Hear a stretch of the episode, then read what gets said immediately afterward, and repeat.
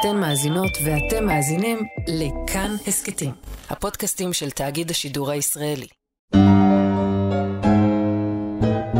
מאחורי הקלעים, שעה עם רותי קרן על צידו הנסתר של עולם התרבות והאומנות. Ich kenn ein kleines Städtchen, ein Städtchen ganz tipptopp. Ich nenn es nicht bei Namen, ich nenn's die Stadt als ob. Nicht alle Leute dürfen in diese Stadt hinein. Es müssen Auserwählte der als ob Rasse sein. Die leben dort ihr Leben, als ob sein Leben wär. Und freuen sich mit Gerüchten, als ob's die Wahrheit wär. Und freuen sich an Gerüchten, als ob's die Wahrheit wär. אני מכיר עיר קטנה, עיר נהדרת לחלוטין. איני קורא לה בשם, אני קורא לה עיר כאילו. לא לכל האנשים מותר להגיע לעיר, רק אנשים מסוימים שחיים שם את החיים שלהם כאילו היו חיים. האנשים ברחובות הולכים בחשיבות כאילו יש להם מה לעשות.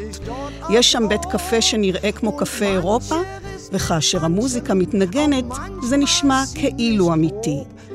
בבוקר ובערב שותים כאילו קפה, בשבת כאילו יש חגיגה, אדם יושב מול קערת מרק כאילו יש משהו בפנים, ואוכל את הלחם היבש כאילו זה ויטמין. אדם יושב על הרצפה כאילו זו מיטה, והוא חושב על האהובים שלו כאילו שמע מהם. אדם סוחב על גבו את הגורל שלו כאילו זה לא היה כל כך קשה, ומדבר על העתיד, כאילו יש מחר. השיר אלס אוב, כאילו, מתוך הקברט שהעלה הכותב והמלחין לאו שטראוס, למילים של וילי שוורץ אה, בגטו טרזנשטט, הפך פופולרי מאוד בקרב יהודי הגטו, למרות מילותיו הציניות כלפי אלו שממשיכים לחיות באשליות לגבי גורלם.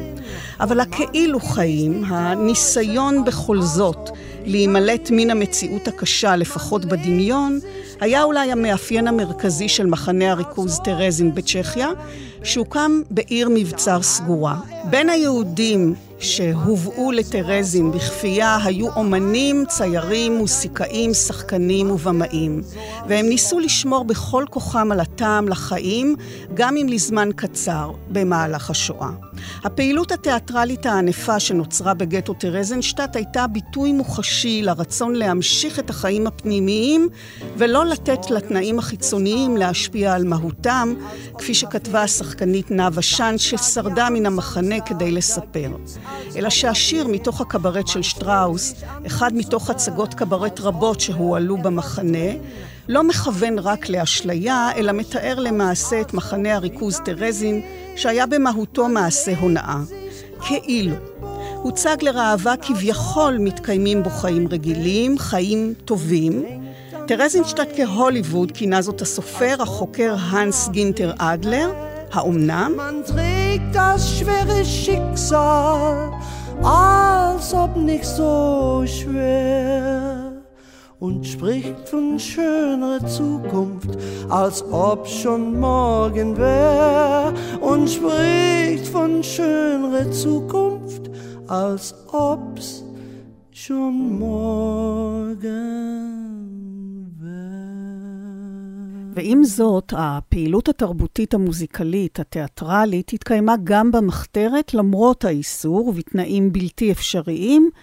ומאחורי הקלעים היום נשוחח עם ההיסטוריונית חוקרת השואה דוקטור מרגלית שליין על התיאטרון והקברט בטרזינשטט. אני רותי קרן מגישה ועורכת, קטעי קריאה אורלי מורג, זוהר סדן, והילדים נויה אילן סו ואדם קפטן. אהלן נדיונוב על ההקלטה, שלום מרגלית. שלום רותי.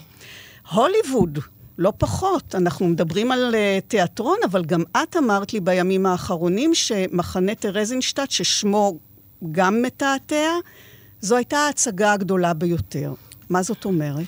זו הייתה ההצגה הגדולה ביותר שיצרו היידריך ואייכמן במסגרת הפתרון הסופי של שאלת היהודים באירופה, והיה למחנה הזה מקום מרכזי.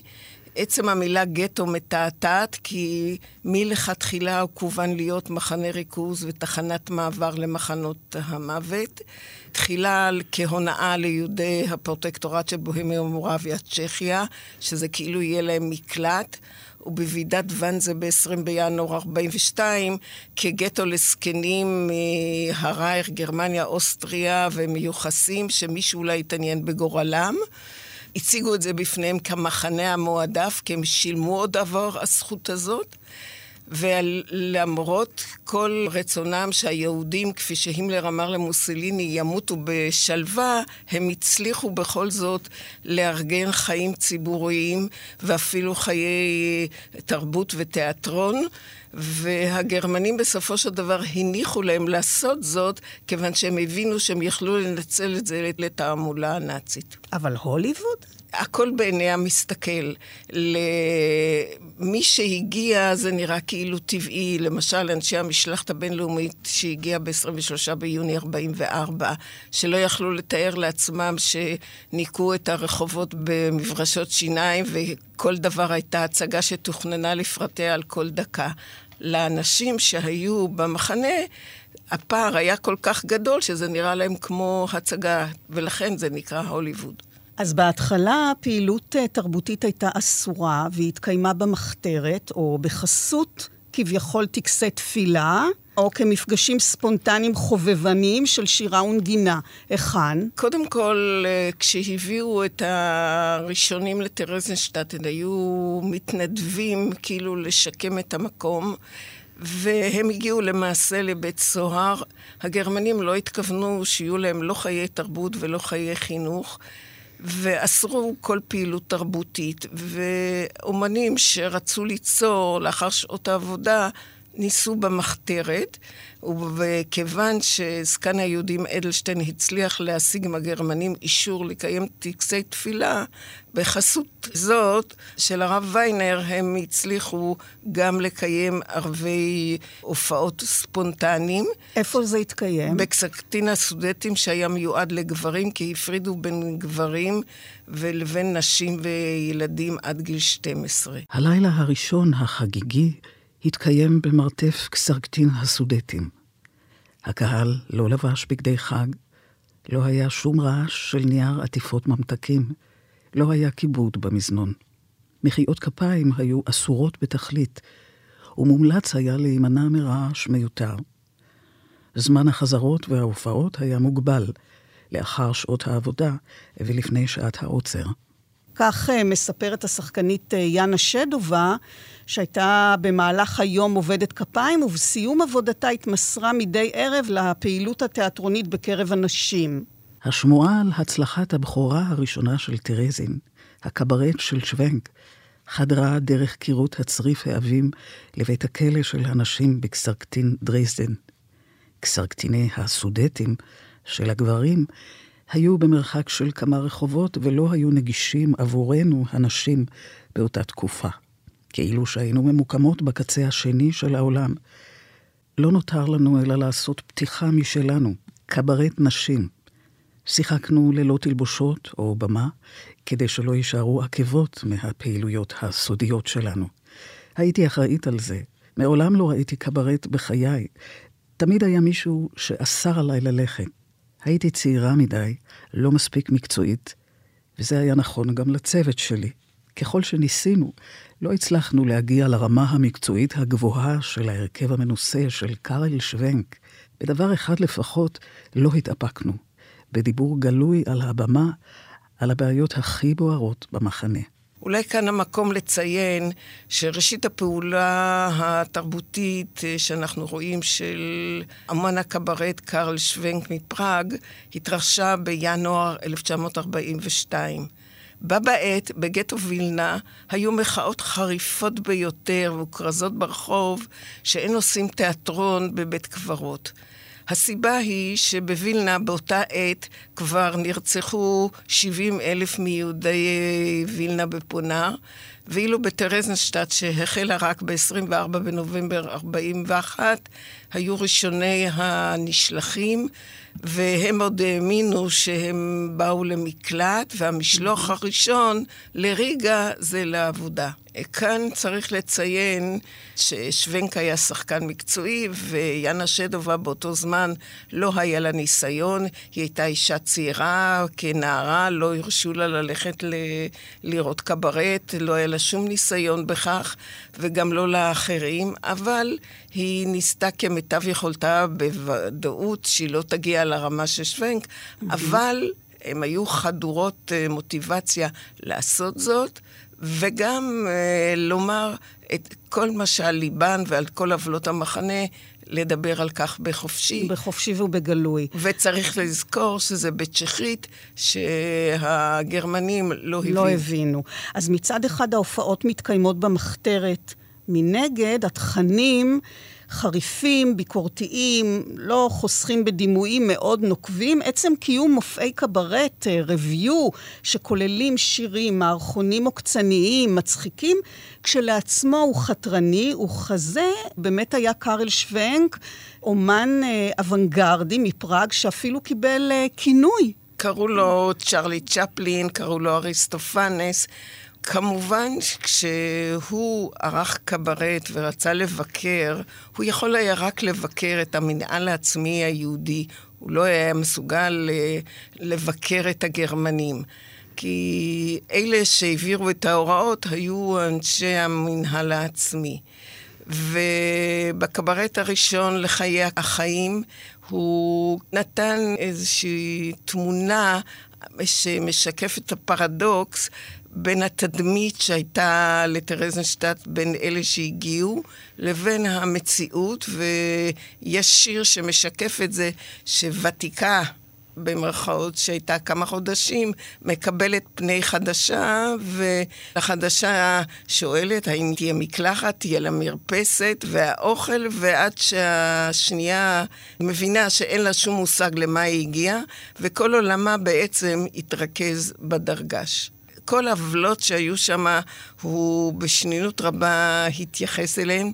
למשל, האוכל חולק בכרטיסים. שהיו צריכים לנקב אותם, זו הייתה בירוקרטיה מסובכת, ואם מישהו לרוע מזלו איבד את זה, על מנת לקבל כרטיס חליפי, היה צריך לעבור בירוקרטיה קשה מאוד, ובינתיים הוא לא קיבל אוכל. על זה למשל הוא ערער. ערער ו... בצורה אה, סרקסטית כן, אה, בקברט. כן, בר... בקברט. במערכון. כן, בוודאי. וכל הקהל אה, צחק, כי כולם הייתה להם החוויה הלא נעימה הזאת. הוא כתב מחזה אלגורי, רוכב האופניים האחרון. וזו הייתה ההצגה האמיצה ביותר שהועלתה בטרזנשטט. זו אלגוריה שקל מאוד להבחין בקווים למה הוא התכוון. המדובר שם על ממלכה שאין לה שם, שיום אחד חולי רוח ברחו מהמוסד הסגור, משתלטים עליה, ואחת מהן, פאמפ, שזו אישה בצ'כית, משתלטת והופכת להיות דיקטטורית. והחוק הראשון שהיא מכריזה עליו, שבכל אשמים אה, רוכבי האופניים והיהודים. זה על יסוד אמרה ידועה, כי שאלו למה רוכבי האופניים, אז השיבו למה יהודים. Mm-hmm. עכשיו, במקרה הזה, היא הוציאה חוק ראשון, שכל רוכבי האופניים, אשר לא מסוגלים להוכיח ששש דורות הם בני הולכי רגל, יגורשו לאי הזוועות. הקונוטציה ברורה. וכך הם אספו את כל רוכבי האופניים, אלא שאחד מהם הצליח להישמט כנראה מאוניית המעבר, והצליח להגיע לארץ, והצליח לברוח. אחד שנחלץ מכל מיני צרות, והמלכה מגלה, והייתה לה מראה, שבה היא ראתה שנמלט אחד מרוכבי האופניים, והיא כמובן ציוותה לחפש אחריו, אבל המראה הזהירה אותה שלא תהרוג אותו, מפני ששום ארץ לא מסוגלת להיות בלי רוכב אופניים, כי אחרת את מי הם יאשימו בשעת משבר, מי יעשיר לעזאזל. ואז היא ממנה אחד מבכיריה, קרסה שפירושו בצ'כית אך בראש, והוא מנסה ללכוד אותו, וישנן הרפתקאות שונות. בסופו של דבר הוא מצליח ללכוד אותו, ואז מעמידים אותו לדין כאויב המדינה, ומכריזים שהוא צריך להישלח בטיל אל הירח. אותה דיקטטורית ואנשי צוותה באים לבדוק את הטיל, ובה בעת שואלים את אבלס מה בקשתו האחרונה. הוא מבקש לעשן סיגריה. אבל במקום להצית את הסיגריה, הוא מקרב את הגפרור אל הטיל, וכך ממריאים הדיקטטורית ואנשיה אל החלל.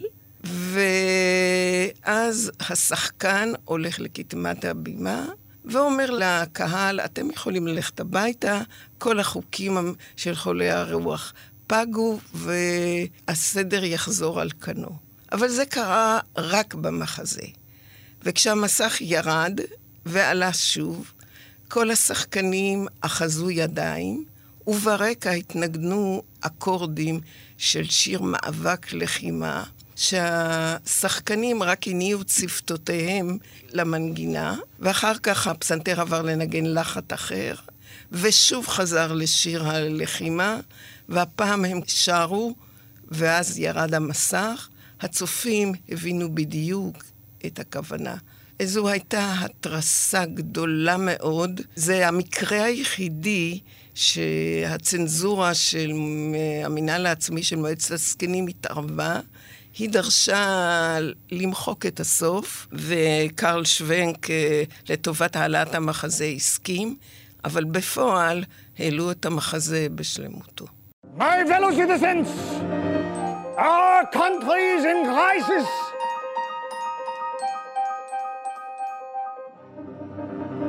Who is to blame for all of our troubles? The Jews and the cyclists. We're called Homo sapiens. I'll tell you straight out what we should be called Homo crapiens.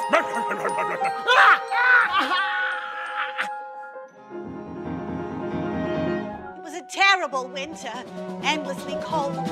There were icicles hanging from the roof. What about the bite? I didn't say bicycles, I said icicles.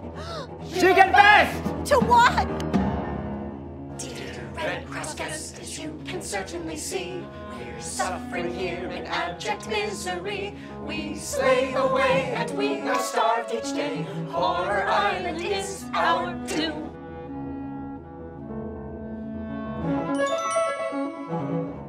Go back to your barracks, everyone transport lists have been posted. Good luck. Be brave. My name is Yana Shedova. I survived. כן, אז השחקנים מלכתחילה נלחמו מהבמה על ערכיהם הבסיסיים, אובדן הכבוד האנושי יכול היה לשבור את האסירים יותר מהרעב. עבודת הכפייה והחולי, הצגה שכזו יכלה להפוך משלוח של אנשים ללא שם, מספרים, לחברה אנושית נלהבת, אולי רק למשך שעתיים, אבל חלק מהרגשות נותרו עמם כששבו למגוריהם בקסרקטין הקר, והניצוץ הזה האיר וחימם אותם במשך כמה ימים.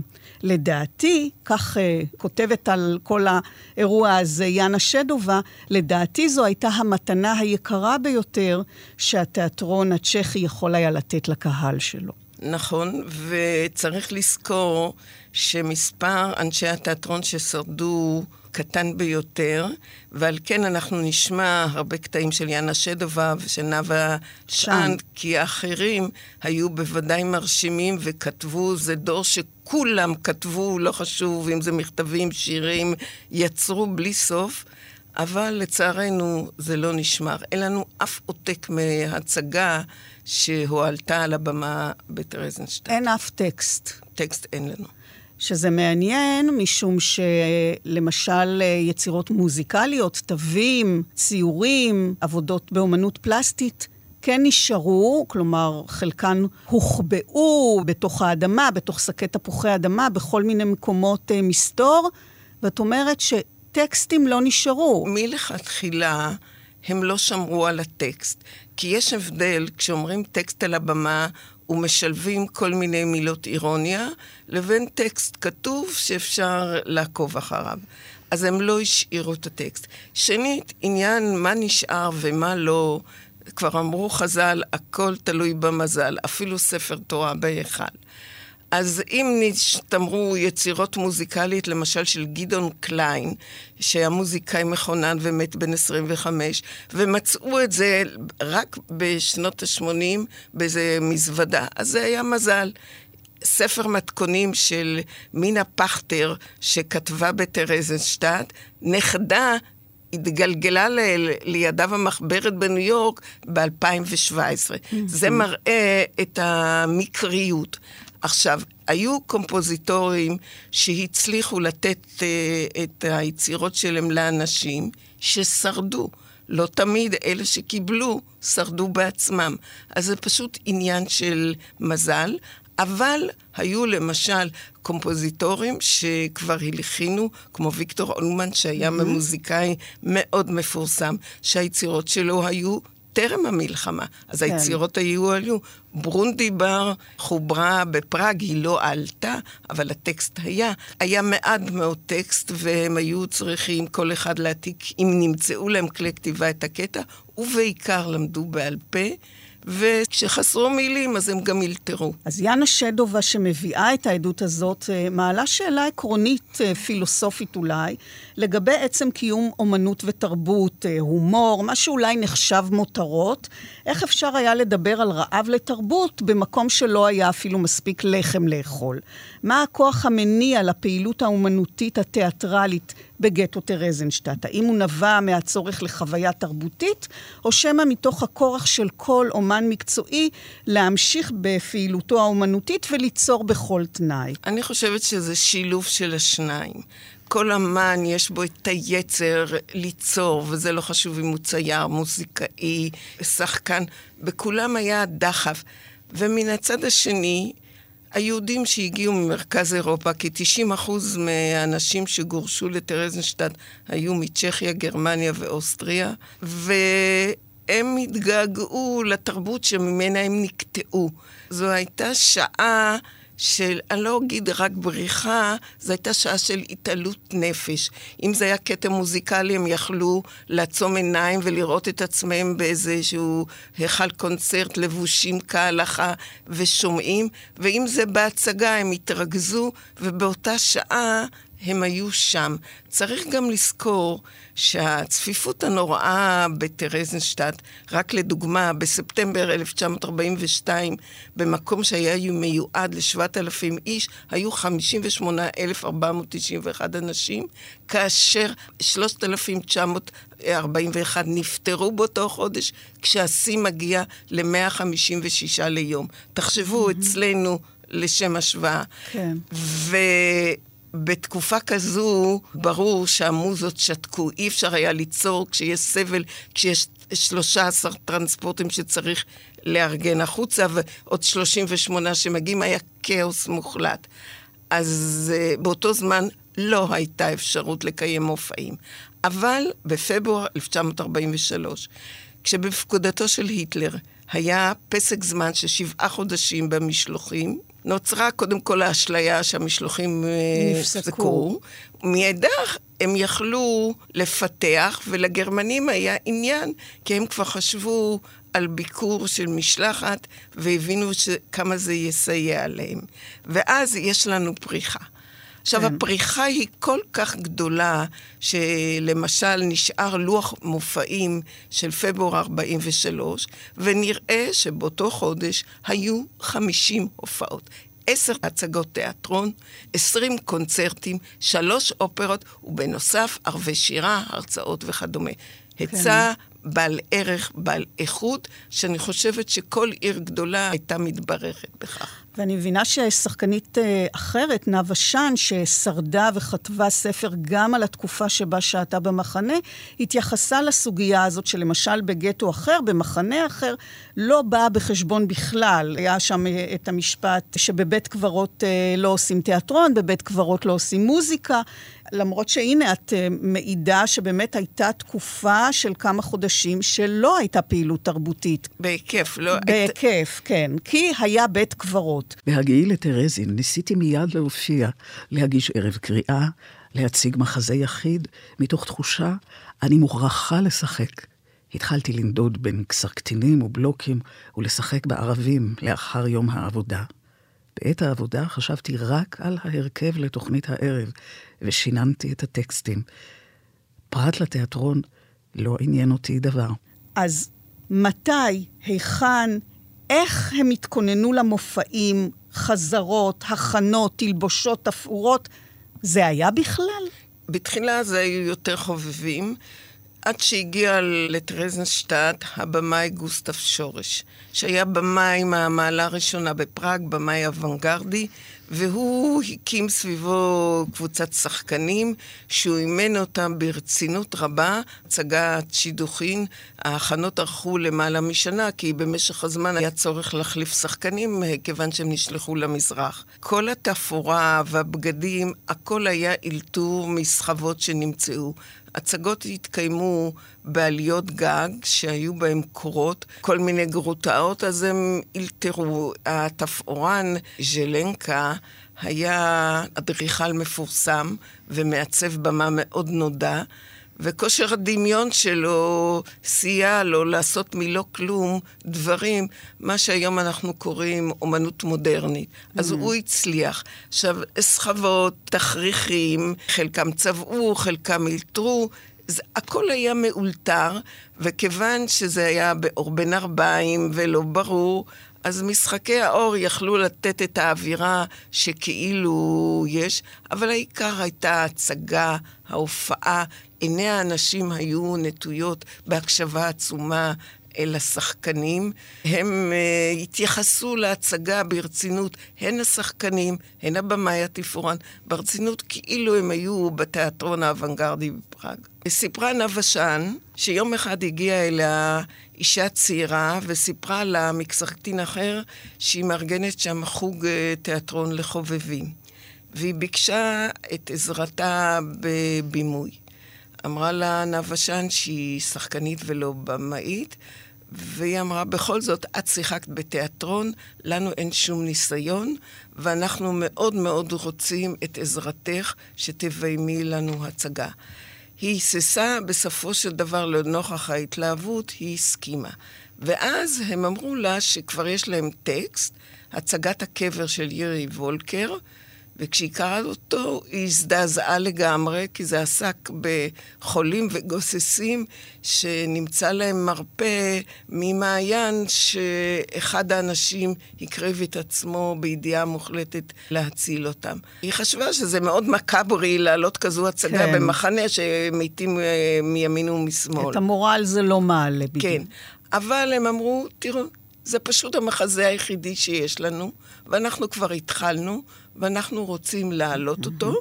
והם אמרו שהם חושבים שבגלל שזה אקטואלי, זה כן ימצא חן בעיני האנשים. והאמת שזה כן מצא חן כי המוטיב המרכזי היה העזרה לזולת, אהבה באדם, שזה דבר שקיים היה בשואה.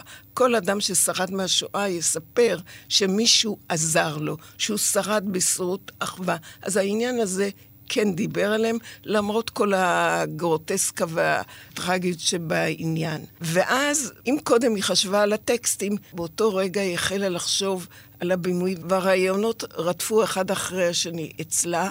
השחקנים גיבבו כל מיני פריטים לתפאורה, מישהו מצא דלת ושם אותה על קורות הגג, ואז יום אחד שהם עשו חזרה בעליית הגג, קרני השמש שחדרו, ריצדו על פני הדלת, ואז הם ציירו איזה ציור סוריאליסטי, ואז היא צרחה, זהו, זה, היא הבינה שמן הטבע סייעו לה mm-hmm. ליצור את התפאורה המושלמת. להצגה שזכתה להצלחה רבה. אז את אומרת שחלק מן הבגדים נתפרו באמת מסדינים אה, של נפטרים. אחת העדויות המעניינות היא של השחקן גבריאל דגן, ששם בעצם החל את אה, קריירת המשחק שלו. זה היה התפקיד הראשון שלי במחזה תיאטרון. תפקיד של חייל שהתעוור. החזרות התקיימו בעליית הגג של בית, בו רוכזו אסירים יהודיים עיוורים לפני שנשלחו. באותה עליית הגג עמדה להתקיים הצגת הבכורה. הגענו כמה שעות קודם לכן כדי לסדר קרשים כמקומות ישיבה לקהל. מצאנו שם ערימת גוויות. הסתבר שבלילה הקודם הגיע טרנספורט שהורכב מתושבי בתי אבות בגרמניה. את אלה שנפטרו בדרך הביאו לעליית הגג הזאת. לא הספיקו לקוברם. לא ידענו מה לעשות. ועובדי עצות עמדנו על יד המתים ולפני התפאורה של ההצגה שלנו. ואז הציע האיש, שהיה ממונה על הבית ועל דייריו, שנעביר את הגוויות למרתף. הוא עצמו ארגן מהעברים שרשרת חיה של בני אדם, אשר עמדו אחד-אחד על מדרגות הבית, מעליית הגג עד למרתף, ועל ידיהם מסרו אחד לשני את הנפטרים. בזמן הפעולה הזאת שרו העברים שירי גבורה עתיקים. אני זוכר את המנגינות עד היום הזה. אחר כך אנחנו, משתתפי ההצגה, בנינו כל מה שהיה נחוץ על הבמה ובשביל הקהל, וקיימנו את הפרימיירה. אז גבריאל דגן קורא להצגה הראשונה, גם עבורו, תפקידו הראשון בתיאטרון, הוא קורא לזה פרמיירה. אלא שהצגות רבות לא זכו לבכורה, כי שחקנים נשלחו באמצע למחנות השמדה. בכלל הייתה תחלופה של שחקנים, ולכן הכנת הצגה ארכה זמן רב. הזכרת את uh, שידוכין כן. uh, של גוגול. איזה רפרטואר באמת העלו? גוגו למשל זו קלאסיקה. איך היו להם טקסטים, נניח באמת של מחזות קלאסיים? איך הם למדו את הטקסטים האלה? תראי, אדם נושא את תרבותו איתו. לפעמים מישהו הצליח להביא איתו טקסט של מחזה. שחקנים רבים זכרו את הטקסט. הרפרטואר היה קלאסי, אם זה שייקספיר, אם זה מולייר, אפילו טוביה חולב, שהם אה, תרגמו מיידיש לצ'כית. זה היה תלוי בשחקן שיכול היה להביא, הבמאי שידע את הטקסט, וחלק מהם כנראה גם אלתרו, וחלק, גם אם היו טקסטים, הם היו חלקיים, אז אה, הם עשו כמיטב יכולתם, ומבחינה מוזיקלית הם בוודאי הצליחו להעלות יצירה במלואה. והיו גם מחזות אלגוריים, אפילו אופרה כמו uh, קיסר אטלנטיס של ויקטור אולמן ופטר קין. הייחוד בזאת שהיא נכתבה בטרזנשטט ב-43. פטר קין, שהיה אדם ברוך כישרונות, צייר, משורר, כתב את הליברית, והקומפוזיטור הדגול, ויקטור אולמן, הוא היה גדול מלחין את רזנשטט, הוא שהלחין. עכשיו, האופרה הזאת שוב אופרת התרסה. קיסר אטלנטיס הדמיונית מחליט לחבור אל המוות ולהרוג את כל האנושות. המוות מורד, שובר את חרבו, ונוצר כאוס, כי אף אחד לא יכול למות. ואז הקיסר אה, מבקש מהמוות שיחזור בו, והוא מסכים בתנאי שהקיסר יהיה הקורבן הראשון, ולאחר מכן הוא יסכים לחזור ולקיים את המוות. זה מאוד דומה לצוואת היטלר, שהצטער שהוא לא הספיק להרוג את כל היהודים. כאן המוות שלא הספיק להרוג את כולם. האופרה מסתיימת במילים בוא מוות ושכון בליבנו. האופרה הזאת לא זכתה להעלאה. אה. אני לא בטרזנשטט. היא שרדה כי אולמן נתן אותה לאדלר, ואדלר, היא פשוט שרדה במזל. התווים לא העלו אותה מדוע? פעם. מדוע? חלק אומרים שזה היה צנזורה. Mm. אני חושבת שלא פחות זה היה בגלל התחלופה של, של השחקנים. ש... זה לא שחקנים, זה, זה זמרים. זמרים. שהוא היה צריך, היו ארבעה סוליסטים, כן. והייתה מקהלה, וזו הייתה עבודה מפרכת להכין אותם, והוא היה פרפקציוניסט, הוא לא התפשר. גם שם. גם שם. כן. תראי, זה עניין של מוזיקאים מהדרגה כן, הראשונה. ברור. הוא לא מוכן לחלטורה. אז... וזה נכון היה בהצגה, זה נכון כן. היה בקונצרט. אגב, מי היו באמת השחקנים, כשאנחנו מדברים על תיאטרון, מי היו השחקנים? זה... אז היו שני סוגי שחקנים. היו שחקנים צעירים יותר מצ'כיה, כי בצ'כיה העבירו את כל האוכלוסייה היהודית לטרזנשטט. בתחילתה אפילו הם היוו הרוב, כך שיכלו להיות מכל אה, רמות הגיל, והיו גם שחקנים ששיחקו, חלקם יותר מקצועיים, חלקם עדיין חובבים, והם רצו להעלות הצגה, לבטא את עצמם. וכאשר הגיע גוסטב שורש, הוא אימן אותם והם התקדמו, ובהחלט יכלו לעלות הצגות. חלק מהם גם כתבו, אנחנו רואים את גונדה רדליך שכתב הצגה, אם כי לא הייתה לרוח האנשים, כי היא דנה במשומדת. לטרזנשטט הגיעו כל מי שנחשב ליהודי על פי תורת הגזע. אז היו שם כ-25 אחוז של... Mm-hmm. רק לפי זה וכשהיא הגיעה... שהיה להם שישה דורות של, של רוכבי אופניים. כן, אני חושבת שבתורת כן. הגזע זה, זה היה מספיק שניים. כן. והיא הייתה רחוקה מהיהדות, והיא מגיעה, יושבת על המזוודה, ולא יודעת מה יקרה לה. אז הוא העלה את הדילמה, לא אהבו את זה כי... יהודים כן. לא אוהבים משומדים, מה לעשות. הסוג השני היו שחקנים וזמרים שהגיעו מגרמניה ואוסטריה. עכשיו, אלה, מטבע הדברים, היו הרבה יותר מבוגרים, כי נשלחו אנשים מגיל 65 ומעלה, או מיוחסים, שהיה להם ניסיון רב מאוד. שחקנים מקצועיים. מקצועיים גדולים ביותר. Mm-hmm. עכשיו, הם בוודאי, או שהביאו אותם את הטקסט, או שזכרו אותו, והם העלו הצגות מאוד פופולריות, כי הקהל שלהם התגעגע לזה. כן. הם עבדו ביחד, אגב, או שזה היה נפרד? אם הם היו מאותה ארץ, כנראה שכן.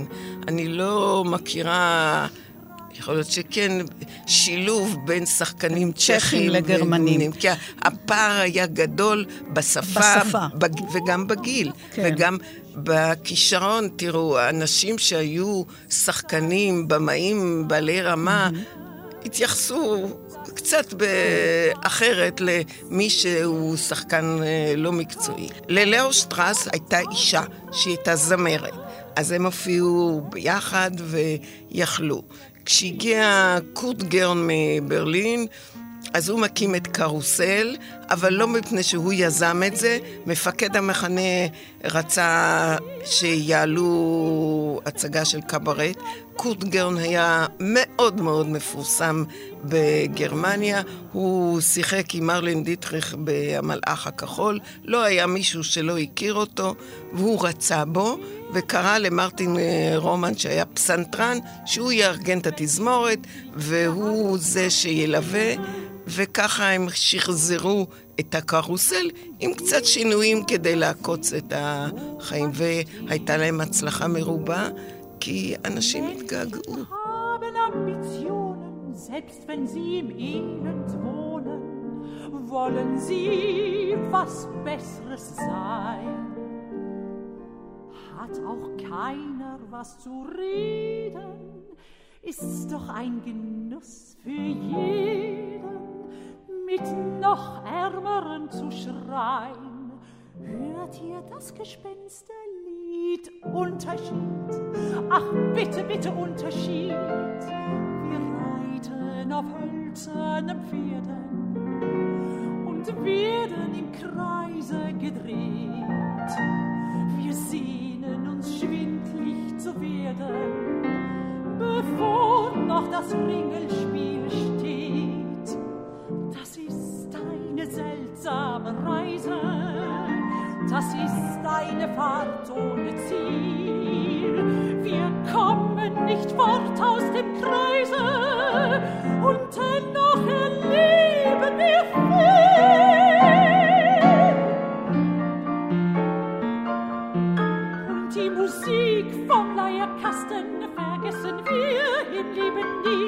wenn auch die Bilder längst schon verlassen, tönt doch im Ohr die Melodie. Wir reiten auf hölzernen Pferden,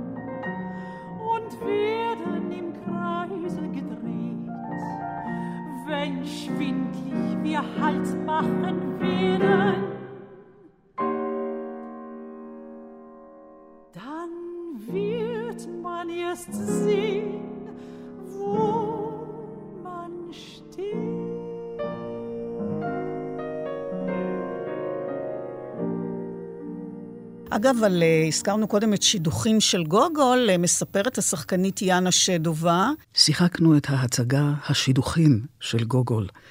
לפתע הייתה אזעקה. מיד לאחר המערכה הראשונה הודיעו על טרנספורט למזרח.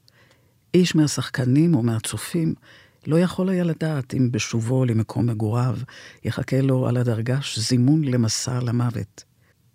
ניסינו להפסיק את ההצגה, ואולם קהל הצופים לא היה מוכן שנפסיק. הם הקריבו שעתיים יקרות ללא תחליף לאריזת חפציהם הנחוצים ביותר, או לפרידה מבני משפחה ומכרים, כדי לצפות בהצגת תיאטרון עד תומה בפעם האחרונה בחייהם. זה מלמד אותנו על החשיבות של התיאטרון בעיני הצופים בטרזנשטיין, שהיה כל כך חשוב, שתרם להם כל כך הרבה למורל שלהם, שזו הדוגמה איך הם לא יכלו לעזוב בהבנה שזו הפעם האחרונה. אבל היו גם הצגות שהתקבלו בביקורת, בהתנגדות. זה לא שלא משנה מה הציגו, העיקר לברוח מן המציאות. תראי, בין השאר, כמה שזה נשמע מוזר, היו מבקרי תיאטרון. אנשים בעלי תרבות שיכלו להעריך. אז הנס גיטר אדלר שיבח את ההצגות הצ'כיות שהיו על רמה גבוהה. מאידך הוא זלזל בהצגות הקברט אה, והאופרטות הגרמניות, והוא אמר שזאת צעקנות טיפשית, בלי להתחשב למי זה מיועד ולמה. הייתה הצגה שהקימו אנשי משמר הגטו, שעסקה בנערת הגטו שהייתה חברה של מישהו במשמר הגטו, והיא הייתה עליזה עם אה, מוזיקה וריקודים. אנשי הגטו שלא אהבו בכלל את משמר הגטו, בוודאי לא רצו לראות נערה מתחברת לשם זה, לא קיבלו את ההצגה הזאת בברכה, אבל היו כאלה שכן אהבו אותה. עכשיו, אגון גונדר רדלך, שהיה מנהל מחלקת החינוך בטרזנשטט, הוא נקרא ראש מחלקת הסד לילדים, כי חינוך לא מגיע לילדים. אה, לא, זו הייתה האמת, כי החינוך היה צריך להיות במחתרת. וכשהיו לומדים ובאה ביקורת, הם התחילו לשיר, כי לשיר היה מותר. אז הוא כתב משפט שמאוד אופייני, תראו את הפרדוקס, את הקוטביות בחיים שלנו. מצד אחד יש לנו אנשים גוססים, ומצד שני אנשים מפזזים ורוקדים ומאופרים, זה לעומת זה. אבל הוא עצמו כתב מחזה קצר.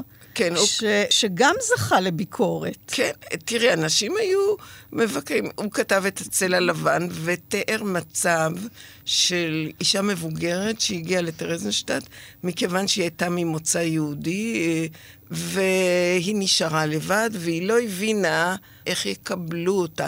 אז היא יושבת על המזוודה, סוקרת את חייה, ומעלה תהיות אל גורלה. אנשי הגטו הבינו שהגיעו אנשים שהם יהודים רק לפי חוגי הגזע, ולא קיבלו אותם בברכה. אז הייתה כאן, הייתה כאן אה, ביקורת אה, על ההצגה הזאת מצד אותם אנשים מתבוללים, שבעצם טענו שהבעיה שהמחזה מעלה היא לא בעיה של משומדת, אלא עוסקת בעצם בבעיה אנושית ולא נכ, דתית, נכון. של אישה שנשארת לבד. המחזה הזה בוצע על ידי השחקנית נאוה שאן. נאוה שאן העלתה גם את הצגת uh, היחיד של uh, ז'אק קוקטו, הקול האנושי. המחזה המקורי עוסק uh, באישה שאהובה נטש אותה, אבל כאן זה קיבל משמעות אחרת. על פרידה מאהוב, סיטואציה שהייתה די שכיחה במחנה, כאשר זוגות הופרדו זה מזה בכוח, וההצגה הזאת הצליחה מאוד. בכלל, אנחנו מדברים על הצגות ש... הועלו עשרות פעמים, וכפי שאמרת, אה, ויש בידייך את לוח ההופעות, אנשים עמדו בתור כדי אה, להיכנס להצגות האלו. ההצגה שלה הייתה הצגת יחיד, ובעצם היא הסתובבה על הבמה, על הקרשים, עם כאילו טלפון והיא מדברת. היא העלתה את זה תחילה בצ'כית, ואז היא קיבלה הצעה שכמו שהיא אומרת, אי אפשר היה לוותר עליה, לתרגם ולהעלות את ההצגה בגרמנית, ולאחר אחת ההצגות היא קיבלה מכתב. שעם ביקורת מקצועית נלהבת, שעל הקרשים עמדה בחורה מוכשרת וסקסטית, וחתום קרל מיינארט.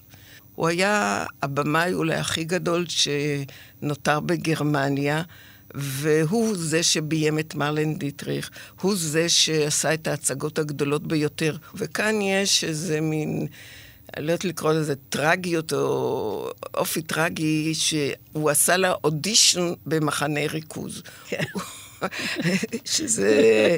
עכשיו, קרל מיינהארט, כיוון שהיה אדם בן 70, אולי קצת יותר, הוא היה אמנם פטור מעבודה, אבל לקבל עבודה זה היה לזה יתרון. א', הייתה לך סיבה לקום בבוקר לעשות משהו, וגם קיבלת איזה טובת הנאה של מעט יותר מזון. והתפקיד שהוא קיבל היה להיות סדר בבתי השימוש המשותפים, להקפיד על זה שאנשים ייכנסו לפי התור, יחצו ידיים. וכמובן שזו תמונה סוריאליסטית, כי כשהוא פגש אותה, הוא היה כולו מסריח מהשהות במקום כזה, והוא לבש סמרטוטים, אבל הוא היה מנותק מהמציאות. הוא לא חשב על זה שהוא מסריח, הוא לא חשב על זה איפה הוא נמצא. הוא דיבר אליה כמו אל שחקנית צעירה חדשה, שהוא בוחן אותה, הוא מבטיח לה שהוא יהפוך אותה לסטאר בתיאטרון הגדול שלו. וזה מראה שהיו גם אנשים שלא יכלו להשלים עם מה שהיה להם, והמשיכו לחיות במה שהיה לעבר, ואולי זה מה שקיים אותם, כי אחרת, בשביל מה הם נשארו בחיים? כן. אה, בין הצופים היו כמובן אה, גם אה, ילדים, בני נוער, שהוטלו בבת אחת לתוך גיהנום. חלקם נותרו לבדם כשהוריהם נשלחו להשמדה. אחת הילדות, בת 12 בלבד, מספרת על ערב בלתי נשכח. בדצמבר 1943 הלכנו לאולם הספורט במעון הבנים, אשר היה כבר מלא עד אפס מקום. מצאתי לי מקום לרגלי הפסנתר. שמעתי את הכלה המכורה כבר שלוש פעמים בפראג, אבל זה לא היה כה נהדר כמו כאן. זה באמת פלא שהמנצח רפאל שכטר הצליח להכין משהו כזה נהדר בגטו. כאשר הלכתי הביתה, אחרי ההצגה, התעליתי פתאום על כל הצרות הקשורות באוכל, שוק שחור ועבודה קשה בגן הירק. הרגשתי כמו אדם החולם חלומות יפים, מתעורר פתאום ורואה שהכל שוב נדוש ואפור. כל הזמן חשבתי על הכלה המכורה, ואפילו בשנתי שמעתי את השיר אהבה נאמנה. אז נאוה שאן אה, מקבלת הצעה מפתה מבמאי אה, נחשב מאוד אה, מברלין, עוד במאי קולנוע ושחקן ידוע מברלין, קורט גרון, מגיע בפברואר 44 לטרזנשטט, הוא מקים שם קברט סאטירי, הוא מעלה מחזמר עם תזמורת ג'אז, ה Ghetto Swingers, למוזיקה של מרטין רומן. אבל על גרון הטילו הנאצים לביים גם סרט תעמולה. בטרזשטט התקיימו בכלל דברים, הם היו אי בכל אירופה. ג'אז הייתה מוזיקה מנוונת. אסור היה להשמיע אותה. Mm. וכאן פתאום מאפשרים להקים הרכב ולנגן מוזיקה של ג'אז, שקורט גרן שמח לשלב אותו. מפקד המחנה, קרל רם, שהיה צריך לייפות את הגטו לקראת הביקור, הכיר את uh, קורט גרן, והוא רצה בו שהוא יביים את הסרט, והוא התחיל לכתוב ולביים.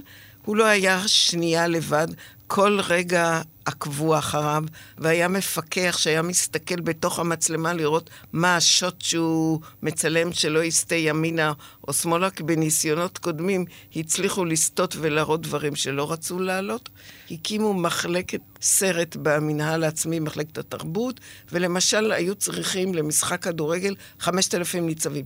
לקחו אותם בצעדות עם משמר למקום מחוץ לגטו שאף אחד לא היה בו. הייתה סצנה רחצה בנהר, אף אחד לא הגיע לשם.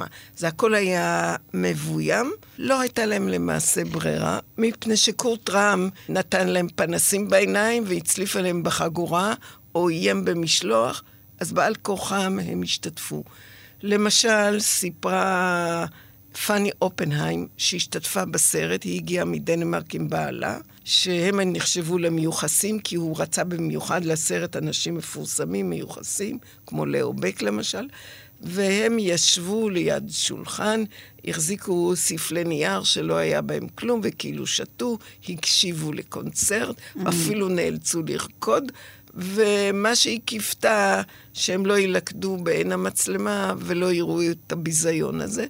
נשארה תמונה שמראים דווקא אותה ובעלה. באמת? כן. כן. והיא שרדה וכתבה ספר זיכרונות. ואני מבינה שגרון עצמו לא השלים את הסרט, כי הוא נשלח... עוד שח... קודם לכן. עם שחקנים וניצבים. כן. עוד לפני שהשלימו את הסרט, הוא וכל המוזיקאים והשחקנים נשלחו באוקטובר 1944 לאושוויץ.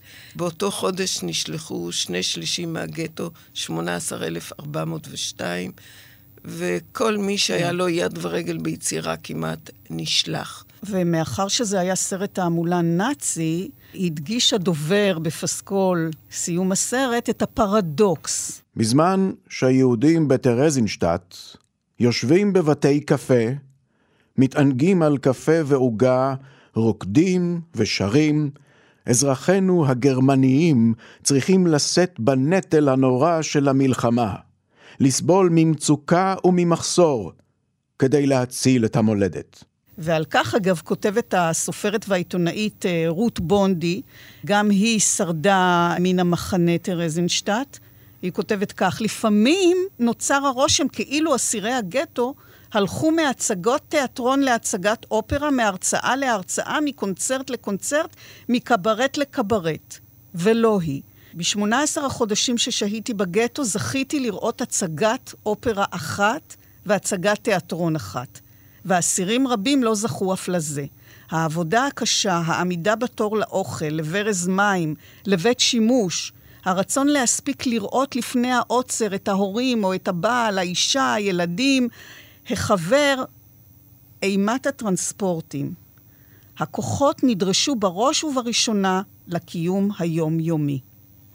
ואף על פי כן, עד היום, באופן פרדוקסלי, משתמרת בהרבה מקומות התדמית שניסו הגרמנים להציג שהיו בטרזנשטט חיים אה, נורמליים, ולא מבינים את אה, תנאי המצוקה, את התמותה הגבוהה ואת האימה של המשלוח. למה? מכ... מכמה סיבות. למשל, ילדים ששרדו, ואחר כך גם נשלחו לאושוויץ, אז טרזנשטט הייתה בשבילם עוד מקום יפה, כיוון שהייתה להם עוד משפחה שם.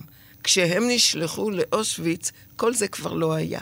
אז הם יכולים להתרפק mm-hmm. אפילו... אז את אומרת שהתדמית הזאת בעצם נוצרה על ידי השורדים. כן. כיוון... הם אלה שהנציחו את ה... 아, כן, כי עבורם זו הייתה תקופה שהם עדיין הייתה להם משפחה, שהם התרפקו עליה. Mm-hmm. זה מצד אחד, אבל מצד שני, הגרמנים מאוד מאוד uh, טרחו להקפיץ את התעמולה, למרות שהסרט תעודה שהסתיים רק במרס 1945, שלוש הפקות בפני גרמנים, ומעולם לא הוצג בפומבי, כבר הייתה סוף כן. המלחמה. כבר ו... ידעו מה באמת ו... קורה. אז גם לא היה קהל יעד כן. כבר להציג, ורובו עבד. זה גם שאלה למה הוא עבד, מי השמיד אותו, ונותרו חלקים חלקים שנאספו במשך השנים. אז הפקות נעשו, יוזמה הייתה, צורך היה גם של האומנים וגם של הקהל, אבל כאמור, אלפי בני אדם, צפיפות, חולי, רעב, ולא כולם זוכים באמת לראות הצגה, ובכל זאת האומנים יוצרים הצגות מיוחדות גם לילדי המחנה, חלקן אפילו בהשתתפותן. בטרזנשטט הקדישו תשומת לב מרובה לילדים. צריך לזכור, זה ילדים שהיו ללא מסגרות חינוך, והצורך הכללי היה להקנות משהו לילדים, בעיקר סדר משמעת ושמירה מפני מחלות. ובין השאר גם רצו להעניק להם איזושהי תרבות. הציגו שם הצגה גחליליות שנאוה שן ביימה עם ילדים, והייתה שם רקדנית, קמילה רוזנבאום, שעשתה כוריאוגרפיה והופיעה עמהם. היו הצגות שהמחיזו את ספר הילדים המפורסם מוגלי של רויארד קיפלינג. אחת ההצלחות הגדולות ביותר הייתה האופרה ברונדיבר של הנס קרסה וליברית של הופמייסטר, והופעה פומבית גדולה, למעשה לראשונה, הייתה בטרנשטט. האופרה דנה בסיפור של ילדים שרודפים אחרי האיש הרע שגזל ילד אחר, ומנסים לעזור, ויש להם חתול ויש להם כלב. הופיעו 55 פעמים. למעשה אני חושבת שכולם ידעו, כי לא ידעו מתי מישהו יישלח. וייעלם, אז למעשה כל הילדים היו, כמובן שהיו... השתתפו כ... באופרה עצמה. לא הן... רק היו צופים, אלא גם משתתפים. כן, כן, כן. כולם למדו את הטקסטים כן. ושרו. הרצון להתגבר על הרשע, ברור היה למי הם התכוונו. כן, היה להם איזה שיר בסוף כן, האופרה. כן, שהנה הם הדבירו את הרשע והטוב מנצח, שזה wishful thinking, למרבה הצער, רובם לא זכו לזה. ורודולף לאוב, שילד ששר את תפקיד החתול באופרה ברונדיבר, כתב: הצגת הבכורה הייתה הצלחה מושלמת. באנו כשעה וחצי לפני ההתחלה, ואחרי שקצת איבדנו בפרצופים שלנו עם האיפור, שנראה לנו איום ונורא, התחלנו להשתולל כמו בחזרות. אבל עם כניסת ראשוני הצופים לאולם, התחילה אימת הקהל להשתלט עלינו, וגם אלה שאמרו שלא אכפת להם, אוזניהם הכחילו מרוב פחד. איך זה ייגמר? עם הצלילים המוכרים הראשונים נרגענו והתחלנו לשחק, וזה הצליח. כשגמרנו לשיר ומחיאות הכפיים רעמו בעולם, היינו כולנו מאושרים, כי האדם הוא יצור מלא תהילה, וגם שמחנו שעשינו עבודה טובה. ברונדיבר בוודאי יימחק בקרוב מזיכרונם של אלה שצפו בו בטרזין, אבל לנו המשתתפים הוא יישאר אחד הזיכרונות היפים המעטים מטרזין. למרבה הצער, הוא לא זכה לזה כי הוא נשלח לאושוויץ. לילד סיכוי להישרד כן. באושוויץ היה סיכוי מאוד קלוש.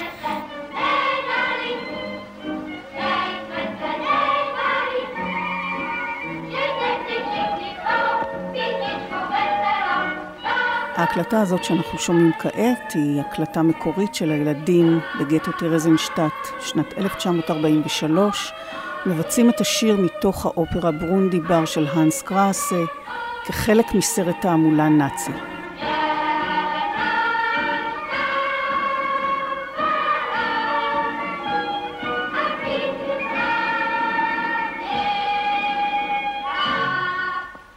ובנוסף, הקימו גם תיאטרונוי בובות. עכשיו, צריך לציין שהגיעו בין השאר לטרזנשטט גם בובנאים, mm-hmm. אנשים שהיה להם ניסיון בתיאטרוני בובות, בייצור בובות, כמובן שלא היה להם כלים וזה, אבל הם מאוד מאוד השתדלו ויצ... ממה הם עשו את הבובות? משרידי עצים שמצאו. עצים. בובה, סמרטוטים. סמרטוטים, אולי את הראש עיצבו. אם מדברים על מחזור, בטרזנשטנט לא זרקו כלום. כל דבר היה לו איזשהו שימוש, והם יצרו בובות. היו מפעילי בובות פרויד ודובובסקי, וזה זכה להצלחה עצומה, עד כדי כך, כשהעלו ילדים לאחד העליות הגג, אז לאחר שלוש הצגות נאלצו להפסיק מחשש שהגג יתמוטט עליהם. כל הופעה בכלל צריך להבין, הייתה יש מאין, להשיג חומרים, להשיג טקסט. הם היו צריכים לכתוב את הטקסט, ללמד את השחקנים, ליצור את הבובות, ליצור את המסגרת וכל זה.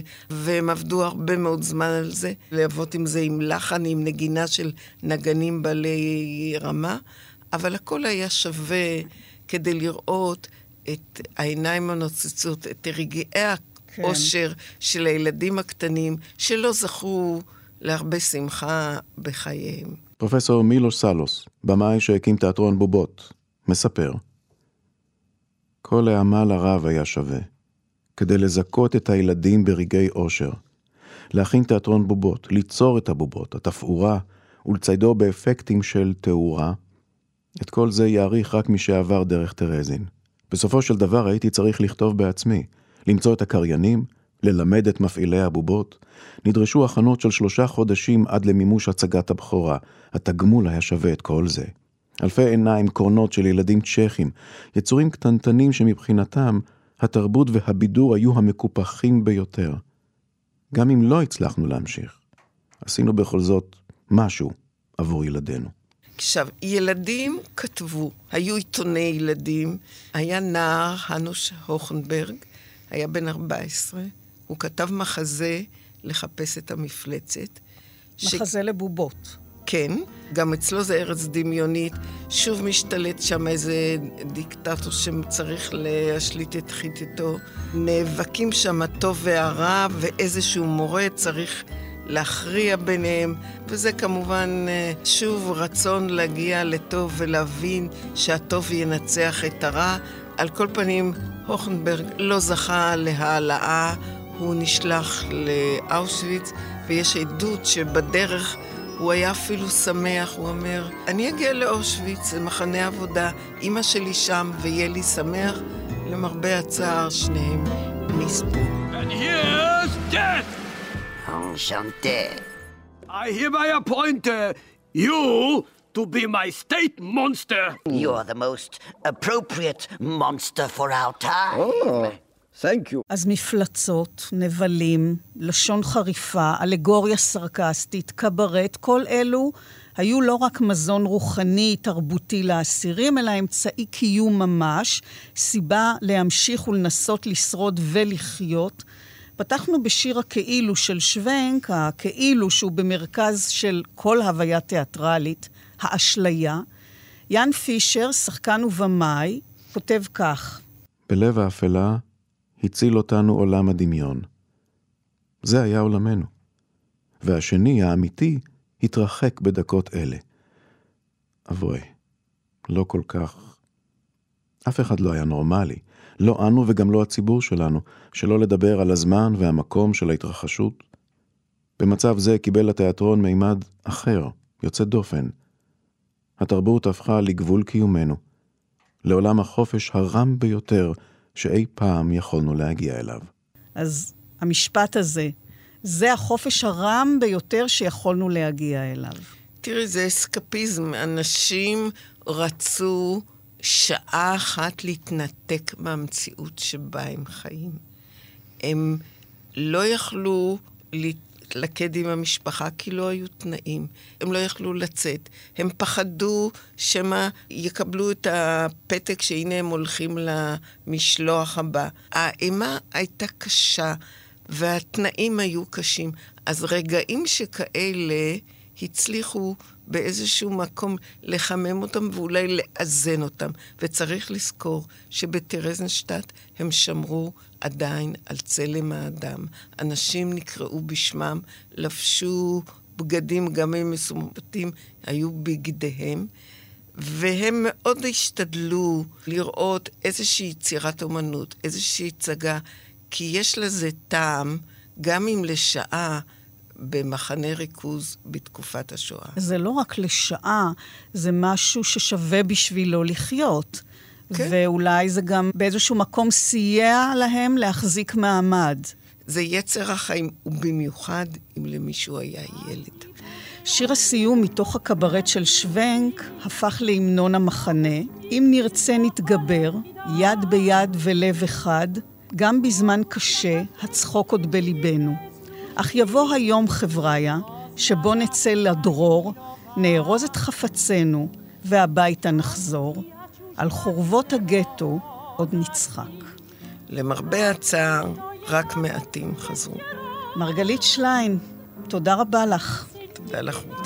בתוכנית מאחורי הקלעים שוחחנו על התיאטרון ומופעי הקברט במחנה טרזנשטט. תודה להיסטוריונית חוקרת השואה דוקטור מרגלית שליין, לקריינים זוהר סדן, אורלי מורג והילדים אדם קפטן ונויה אילן סו.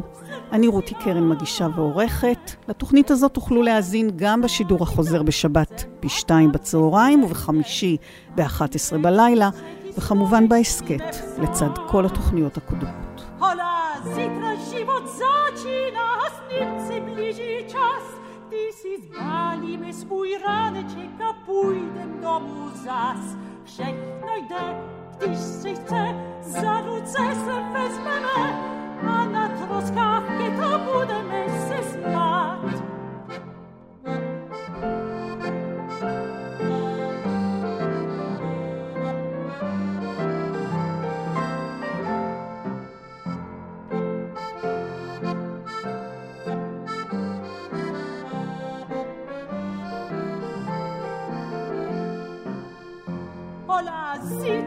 vocaci nas nem se bliži čas, gdy si spalimy swój raneczek, a pójdę domu zas. Wrzechno idę, gdyż se chce, za ruce se wezmemy, a na troskach je to budemy se zmarł.